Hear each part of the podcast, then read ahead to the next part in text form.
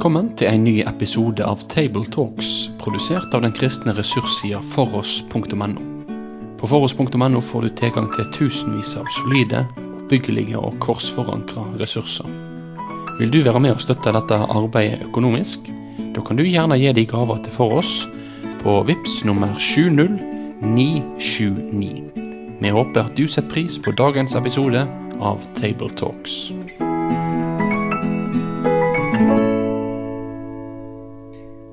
Da ønsker vi velkommen til en ny episode av Tabletalks fra For oss. Og Tabletalks er en samtale for den som ønsker å nærme seg søndagens tekst. Og de som i dag skal snakke om søndagens tekst, det er en litt sånn uvanlig gruppe, som er litt sånn adhoc-gruppe. Eh, kanskje er det første siste gangen vi får høre disse tre snakke sammen på Tabletalks. Hvem vet? Men den første er Konrad Helgesen. Og Jeg studerer på Fjellhaug, studerer teologi og misjon der, og er redaktør i For oss. Så er det Øyvind Ruud Kringstad. Jeg arbeider som regionleder i eh, NLM, Misjonssambandet, og er også redaksjonsmedlem i foross.no. Og så er det Endre Stene, som er lærer på Fjellheim bibelskole. Teksten for den kommende søndag er fra Lukas 6, fra vers 20. Det er allehelgens søndag. Og på allehelgenssøndagene så er det alltid tekster fra Bergpreika på første og tekstrekke, og på tredje fra Slettepreikenen, som da er parallellteksten som Lukas har i forhold til Matteus 5. Um, det som er den offisielle um, De norske kirker har den offisielle tekstrekka, går fra vers 20 til 23.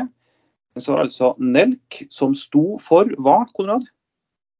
Nettverk for evangelisk-luthersk kirkesamarbeid. De har laga en litt sånn, ikke alternativ, men litt sånn utvida tekstrekke. Også, i, i, så I noen tilfeller så har de valgt å ha en litt lengre tekst, tekstutvalg. Og det, vi for oss har bestemt at vi skal i hvert fall lese og prøve å, prøve å bruke den tekstrekka som de da har utvida til. og Vi skal derfor lese til og med vers 28.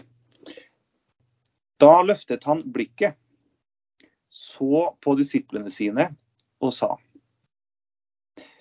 Salige er dere fattige. Guds rike er deres. Salige er dere som nå sulter. Dere skal mettes. Salige er dere som nå gråter. Dere skal le. Salige er dere når folk hater dere, når de utstøter dere og håner dere, og skyr navnet deres som noe ondt, for menneskesønns skyld. Gled dere på den dagen og hopp av fryd. Stor er lønnen dere har i himmelen. Slik gjorde også fedrene med profetene. Men ved dere rike, dere har alt fått deres trøst. Ved dere som nå er mette, dere skal sulte. Ved dere som nå ler, dere skal sørge og gråte. Ved dere når alle taler vel om dere. Det samme gjorde også fedrene med de falske profetene. Men til dere som hører på meg, sier jeg, elsk deres fiender, gjør godt mot dem som hater dere. Velsign dem som forbanner dere, og be for dem som mishandler dere. Først så må vi si litt om forholdet mellom det som nå kalles for slettepreika, de versene her, og Matteus sin tekst om det, det samme. Har du, Konrad, tenkt noe på det? Ja, det er jo det er mange likheter i hvert fall her som slår en i øynene bare med innledninga av saligprisningene.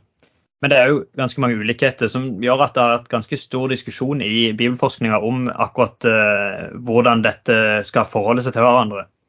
Uh, og Jeg skal ikke gå inn på det, for jeg kan ikke noe om det sjøl heller. Men uh, vi kaller det jo for slettepreken fordi det, han, i de foregående versene så står det han, han stilte seg på ei slette.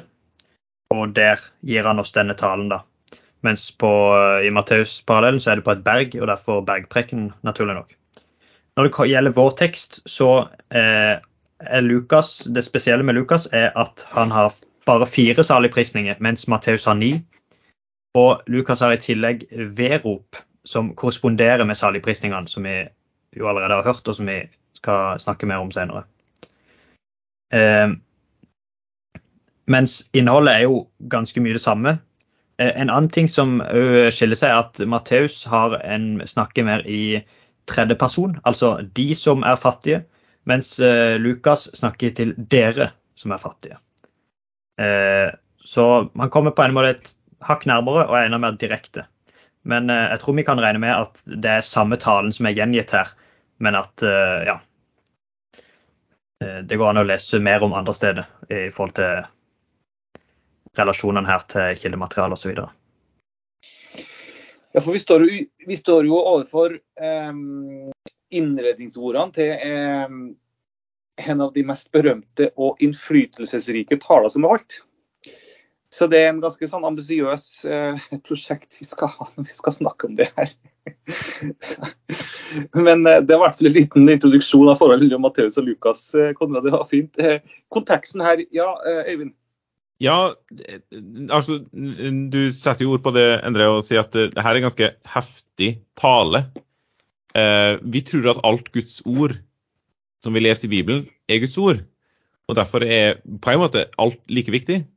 Og samtidig så er det nok Man merker liksom noen ganger når du leser det som står, at mm, ja, kanskje det her er liksom om mulig ekstra viktig. Eh, ordene er mer nøye utvalgt enn man ellers finner kanskje i en vanlig samtale eller ja, tilsvarende. Eh, og hvis du bare spoler et par vers, eller litt mer enn det, da, men iallfall versene rett før eh, vers 20, der som selve talen står gjengitt, så står det fra vers 12 at han, Jesus altså gikk opp i fjellet for å be, og hele natten var han der i bønn til Gud. så han er der skjedde en sånn veldig tydelig innvielse og noe veldig veldig viktig rett før her. Og det var da utvelgelsen av de tolv disiplene. Og så har han gjort det. Eh, han har tydeligvis hatt med seg ganske mange da, som har fulgt han, og så velger han helt sånn spesifikt de tolv ut av den gjengen. og Dem følger han i fortsettelsen.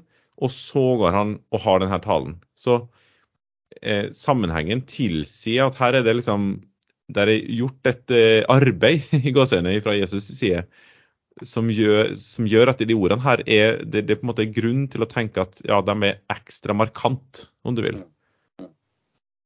Jeg vet ikke om, om dere har sett eh, filmen 'The Chosen', altså den der, um, serien som filmatiserer Jesu liv, som uh, de stadig vekk kommer nye, nye, episoder på nå.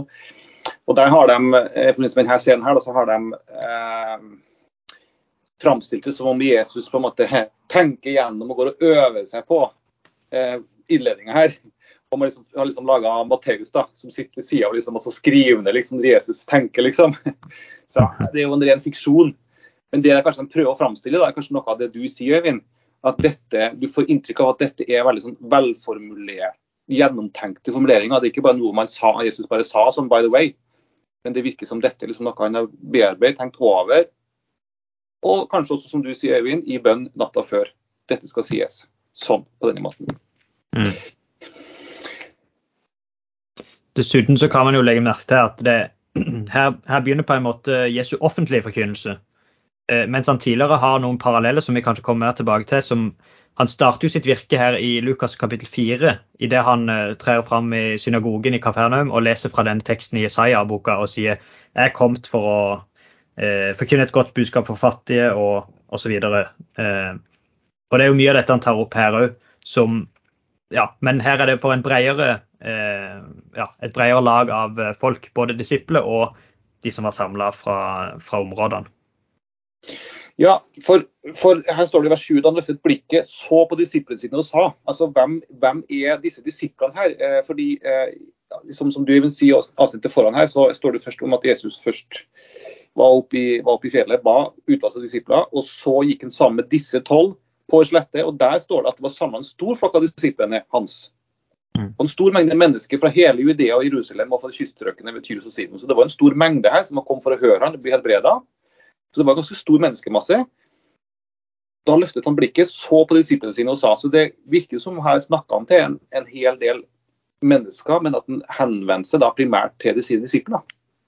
Og som du også du sier, Konrad, her sier dere, altså som dere er mine disipler. Så det, det er men til dem som er hans disipler.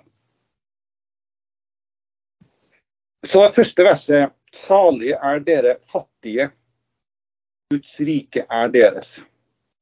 Det må vel eh, være å forstå som et sånt eh, vers som definerer eh, alt det følgende her. Et utgangsvers som, som er premissene for hele tankerekka videre. Og hva legger Jesus i begrepet salig? Det gjentas fire ganger, og han begynner med det. Og Vi vet jo også at salme 1 begynner med begrepet salig. Salme 2 slutter med begrepet salig. Så det som, De to sammen som Sandnes bok innledes med, begynner og slutter med salig. Hva, hva, hva legges i salig her? Ja, det, Her begynner jeg, og så må dere føle på. fordi at uh, salig er jo et Jeg tror man kunne si at det er et spesielt bibelsk begrep.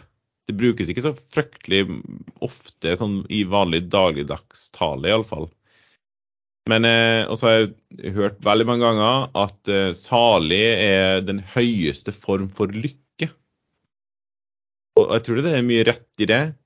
Eh, lykkelig eh, er forstått som at En grunn til at man ikke velger nettopp det ordet, er bl.a. fordi at lykke det er noe som man kan være heldig å dumpe borti. Altså en, et menneske som har hellet med seg, liksom, kan være lykkelig. Men her er, man vil på en måte bort ifra den tenkningen når man bruker ordet salig her. Eh, jeg leker litt med ordet at det er plassert lykkelighet. Altså, Det er Gud som har plassert lykkeligheten et sted, og den hører sammen med noe. Og det er Gud sjøl som har definert hvor den skal være hen, om du vil. Man er velsigna av Gud, rett og slett. Og, og et, et, salig menneske, et menneske som Gud tilfredsstille fullt ut. Og det, det ligger noen veldig veldig dype toner her av at Gud, som skaper og opprettholder av alt liv, er den som dypest sett alene kan tilfredsstille og fylle alle behov som et menneske noensinne kan ha.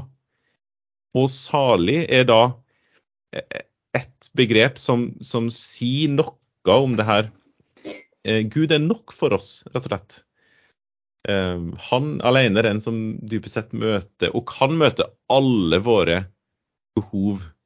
Og, og, og da mener jeg at eh, man er inne på Sikkert skal vi snakke litt mer om, men, men ja, det er snakk om her på jorda. Gud er den som dypest sett kan fylle alle våre behov, også her på jorda. Men det peker også veldig tydelig fram mot et evighetens rike hvor det her vil slå ut i full blomst. Og hvor det er ingen menneskelige, eh, jordiske, om du vil, eh, begrensninger som holder igjen på det. Da skal vi bli full eh, gjenstand for Guds velsignelse.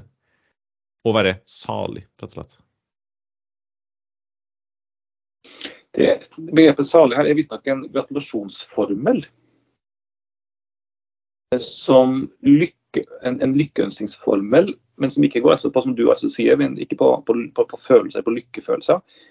Men nå, nå siterer jeg fra bok, men på deres tilstand som de er i en slik situasjon at det er grunn til å lykkeønske dem.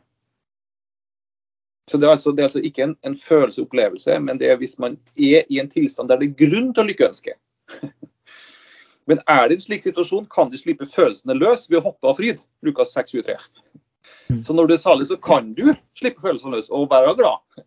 Men det er altså en, en, tilstand som du er i, som er grunn til å si salig. Det som er poenget til Jesus her, da, fordi her han beskriver her, har jo ikke tilsynelatende noen grunn til, sånn ytre i hvert fall. Det er ikke sikkert han føler seg salig, men, men, Jesus sier at dere har grunn til å Dere er salig, fordi dere er i en tilstand som er salig.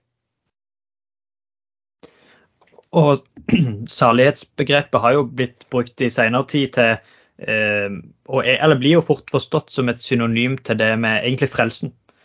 eh, skal, hvordan kommer du inn i saligheten, er jo liksom Pontoppidans egen forklaring når han spør om ja, disse spørsmålene. Eh, og, og, det er nok ikke uten grunn at det har skjedd. For det, han på en måte tegner et bilde av hvem er disse som får del i Guds rike, som jo første saligprisning her. Guds rike er deres. Det er det som er det grunnleggende her. I hvem er disse her menneskene som får del i Guds rike? Du tegner opp en slags en type, kan man kanskje si, av, en, av et menneske. Og det, det, samme er jo litt sånn som du snakker om den gammeltestamentlige bakgrunnen med salmene, hvor du leser om eh, salig er den som ikke følger lovløses råd, ikke går på synderes vei og ikke sitter i spotterens sete. Og Sånn brukes denne her gratulasjonsformelen eller saligprisninga på en måte som tegner opp et bilde av den salige, den som er rettferdig og som står overfor Gud og har et samfunn med Han, kontra den ugudelige, og samme her får vi veldig tydelig denne eh, skillelinja mellom de saligprisninger som beskriver en mennesketype, nærmest, og kontra vedropene over den kontrastfylte ja, motsetninga. Og For å dra en siste parallell der òg, så har du i, eh, eh, i femte Mosebok så setter jo Moses seg fram, og han har en lang tale som jo egentlig er hele femte Mosebok. Og eh, minner de om pakten og, og, alt som Gud har gjort for dem. Og til slutt så kommer eh, forbannelsene og velsignelsene. Og der òg setter han opp eh, Det blir jo mer resultatene av hvordan er det man forholder seg til Gud. Hva er det du velger? Hvem er det du vil være? Eh, og på samme måte så kommer Jesus nå fram og stiller seg fram i Moses sted og, og, og står som en profet på, på, et berg eller på en slette her i, i uh, Lukas og på en måte stille framfor de alternativene. Er det forbannelsene eller er det velsignelsene du vil inn under? Saligheten eller vedropene? Mm. Det står jo i en sang for øvrig, i sangboka, så står det 'salig om ei alltid glad'. Så Det er den praktiske, praktiske, virkeligheten av det å være salig. Det er ikke alltid å være glad, men det å være en tilstand. Men det står det at salig er dere fattige fattige. Hva legges i fattigdomsbegrep her? um, ja. Nei, dette fattigbegrepet har jo en, en, en lang virknings- og tolkningshistorie i hvordan man forstår dette. Og du har jo frigjøringsteologene i Sør-Amerika som har villet begrense det til den rent menneskelige tilstanden å være fattig. Enkelt og greit, verken mer eller mindre og de blir automatisk eh, frelst, kan du si. Eh, og da blir jo hele frelsesforståelsen eh, endra av nettopp dette. da. Så det er jo en helhetlig teologi her. Jeg tror nok ikke vi er så fan av den måten å forstå det på. Men jeg tror ikke vi skal undervurdere heller at fattig har noe Det er noe menneskelig og noe rent legemlig i dette her, og dette begrepet som brukes. Men det har en veldig sterk gammeltestamentlig bakgrunn, dette òg. Som jo det aller meste som Jesus forkynner. Kanskje alt. Kanskje alt, ja. Men hvis vi slår opp i, uh, i Isaiah 61, altså faktisk de to versene etter leseteksten uh, Så det er jo litt uh, interessant å finne det der, da. Men der står det noe Der står det disse versene som jeg siterte så vidt tidligere. Herren Guds ånd er over meg, for Herren har salvet meg. Han har sendt meg for å forkynne et godt budskap for hjelpeløse slash fattige Eh, som det står i 88, for å forbinde dem som har et knust hjerte. Rope ut frihet for dem som er i fangenskap, og frigjøring for dem som er bundet. For å rope ut et nådens år fra Herren og en hevnens dag fra vår Gud, for å trøste alle som sørger. Her finner vi både dette med eh, fattig og eh, sørgende. De skal få sin trøst. Det kommer vi kanskje mer til. Men Eh, denne måten å forstå det på, og måten det brukes i salmene veldig ofte, i forbindelse med at jeg er fattig og hjelpeløs. Du må se til meg, Herre. Det blir mer en, en, en eh, beskrivelse av en åndelig tilstand og en, en, relasjon til Gud, i måten at jeg er helt avhengig av å få alt, alt fra Han. Og dypest sett er det Han som må forsørge for meg, og dypest sett er det Han som må frelse meg. Så, så det ligger noe veldig Det er vanskelig å redusere det til noe rent eh, som en sosiologisk eh, klasse av mennesker som eh, må tigge for å eh, få leve. Ja, og, og, så kan vi jo legge til uten at man ha, skal ende på en vi kaller det rent åndeliggjort tenkning. Eh, der er noe med den, den rent materielle fattigdom, eh, sult, gråt her som, som på en særlig måte har oppmerksomhet av Gud sjøl. Det har vi en hel bibel med oss på å si, kan du si. Det er jo en slags både-og her, altså. Og det er jo noen som vil hevde at uh, Lukas her på en måte Eller her igjen kommer relasjonen mellom Lukas og Matteus. Matteus har fattige i ånden, uh, og uh, at de sulter etter rettferdighet. Så det er på en måte Han legger på en sånn vri, nærmest, virker det som, kanskje, som viser at det Og det kan fort i hvert fall legge til rette for denne åndeliggjøringa, da. Ja. Ja, og jeg vet ikke om det blir en fortsettelse av det du sa nå, Konrad, eller noe annet. Men, men der er jo en slags nøkkel, syns jeg, å se også da, i slutten på vers 22. For, det, for, for, der står det, altså vers 22 begynner sånn Salig er dere når folk hater dere, når de utstøter dere og håner dere og skyr navnet deres som noe ondt. For menneskesønnens skyld. Så så det handler ikke om å være Ja, det handler ikke om eh, å oppleve at folk hater en, at en blir utstøtt og hånt, og at en skyr navnet på noen. Punktum. Men når man opplever det som følge av sin tro på Jesus Kristus og sin etterfølgelse av Han, da det er da saligheten kommer inn og får sin rette plass, om du vil. Eh, det er ikke sånn at enhver eh, vrang kristen eh, kan ta på seg salighetsbegrepet her i alt man gjør, uansett hvor idiotisk man er mot naboene sine. Men når du gjør det som en følge av sin tro på Jesus, og at man er liksom tvungen til det, om du vil, og likevel opplever å bli utstøtt av folk rundt seg, da er man inne på noe av det som beskrives her. Du nevnte jo du, Øyvind, at uh, Bibelen, ikke minst Gammeltestamentets profeter, stadig vekk um, taler om at Gud har et hjerte særlig for de fattige, for de sultne, for dem som er undertrykt også i samfunnet. Uh, og at de har uh, kristne også et særlig ansvar for å se til. Så på en måte tror jeg det, jo, det er noe i det som du også sier, Konrad, at man har også brukt tatt dette også til seg dem som har opplevd seg undertrykt og fattig, som et ord til dem. Så det har vi på en måte bevisbelegg for. Men som dere sier, eh, så, så sprenger disse ordene rammen for det. Eh, og, og, Du nevnte Salmenes bok også, Konrad. Jeg leste plutselig Salme 86 vers 1, hvor det står Vend øret til, Herre, og svar meg, for jeg er elendig og fattig. Eh, og Det er jo sånn ofte vi også kan kjenne oss som.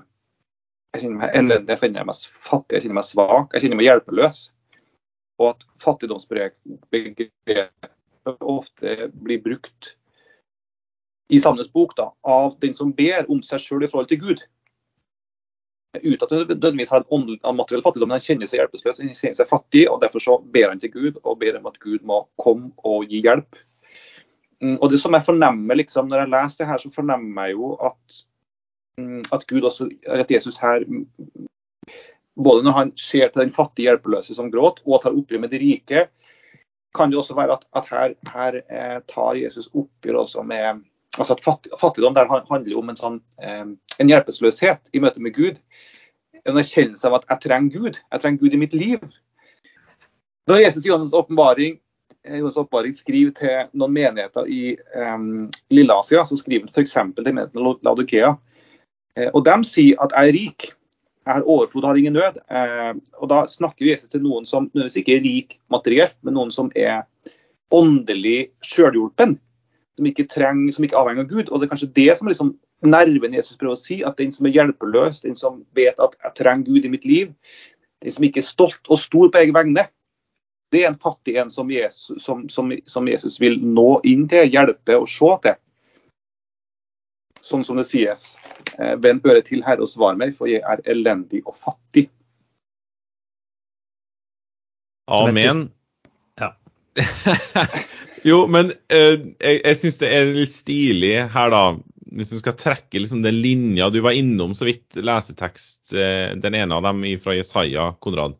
Eller det vil si rett etterpå, da. Og, og det som nevnes i Jesaja-teksten der, er jo en slags visjon av det, Guds evige fredsrike. Saligheten. Sant? Så, så, her er det snakk om og Jeg tror kanskje man kan ha hørt liksom, av samtalen som vi har hatt til nå, at det er snakk om å oppleve en salighet her og nå. Jeg får leve i en slags åndelig salighet eh, ja, i trua på Jesus, rett og slett. Og det får jeg ta del i allerede nå. Eh, og Samtidig så er det jo tydelig at det er snakk om et framtidsrike i eh, Jesaja-teksten. Nå kan jo det ha vært liksom når Jesu frelseverk virkelig slo inn nå. Um, men den andre leseteksten er fra hebreerbrevet, litt ute i uh, trosheltskapitlet, kapittel 11. Uh, eh, og der står det om uh, bl.a. Sara og Abraham, og bl.a. de her ja, Det er jo flere som nevnes opp der, som så og anerkjente at de hadde et hjemland en annen plass enn der de var egentlig. Og de, de så det, de skua det på avstand og hilste det. De fikk godt vitnesbyrd for sin tro, men de oppnådde ikke det som var lovt. Så den løftet om Guds evige rike, Guds evige salighetsrike, det er jo også et sterkt altså eh, en sterk klang i det som Jesus sier her, at eh, ja, dere er salig i deres tro, om du vil, her på jorda. Men dere skal også få Det ligger en, en evig salighet som dere skal få erfare fullt ut fra ja, evigheten. For da drar vi oss over til neste del i verset her. Guds rike er deres. Ja. For de salige, de fattige er salige fordi de får del i noen ting. De får del i Guds rike. Som du da sier, det er eh, både noe nærværende her og nå, men det er også noe eh, kommende. Konrad, du vil si noen ting? Ja, og det var egentlig for å betone dette her. Eh, det er jo først og fremst kontrasten som, som står fram her mellom eh, nå og da.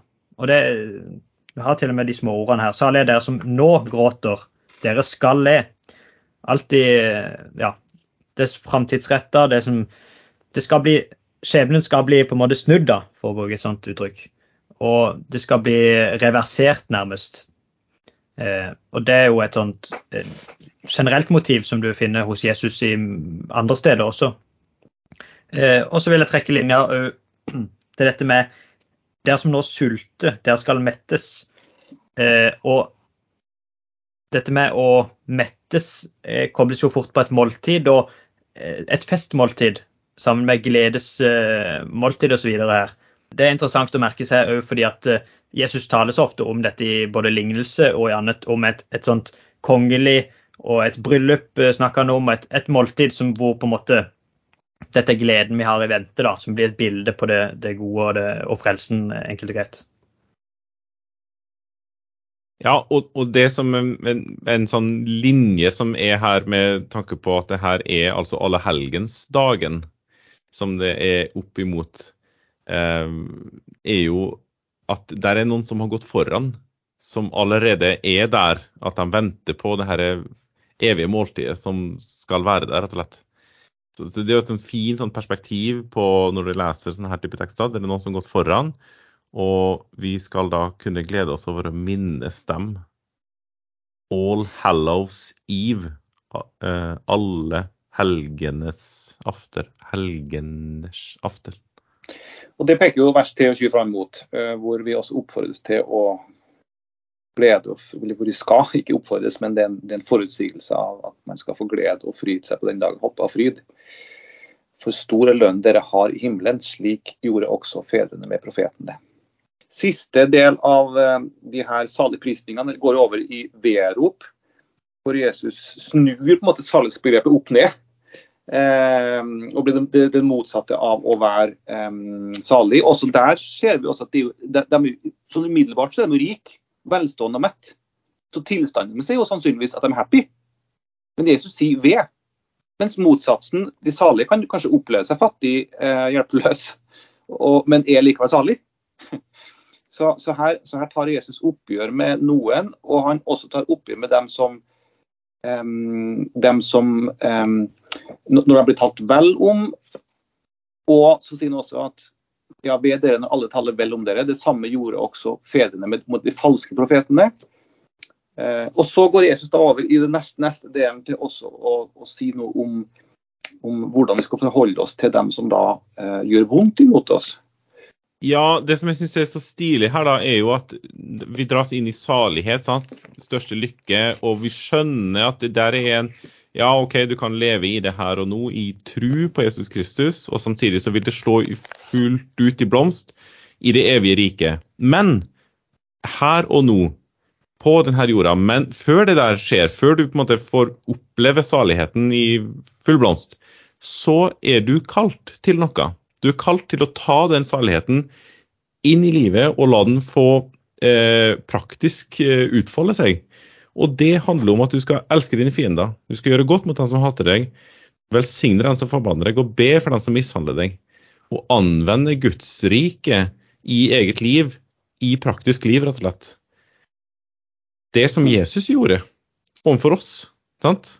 Det er jo han, det er jo egentlig en beskrivelse av hans handling overfor oss. Og det er blitt en salighet for oss. Tenk på det. Og så er det vi som er kalt til å ja, la det der riket få utfolde seg i hender og føtter og klemmer. Jeg vet ikke hva. jeg tror ikke vi rekker så mye med den. det. Jeg tror vi takker for uh, denne samtalen uh, over uh, sletteprekenen, og så avslutter vi med en kort bønn. Herre Jesus Kristus, vi mm, vil mest av alt få be om at vi må få lov til å være eh, dine disipler. At vi får være sånne som du omtaler som fattig, hjelpeløs, avhengig av deg, eh, men som er salig fordi du gir ditt rike til oss. Herre, kom du til oss med din ånd. Amen. Da vil vi si takk for at du valgte å få med deg denne episoden av Tabletalks, produsert av den kristne ressurssida foross.no. Driftinga og utviklinga av nettsida vår den er avhengig av gode og trufaste støttespillere. Vil du gi ei gave til dette arbeidet? Da kan du gi den via VIPS nummer 70929, eller så kan du besøke foross.no for mer informasjon om å kunne bli en fast giver. Ha en god dag videre.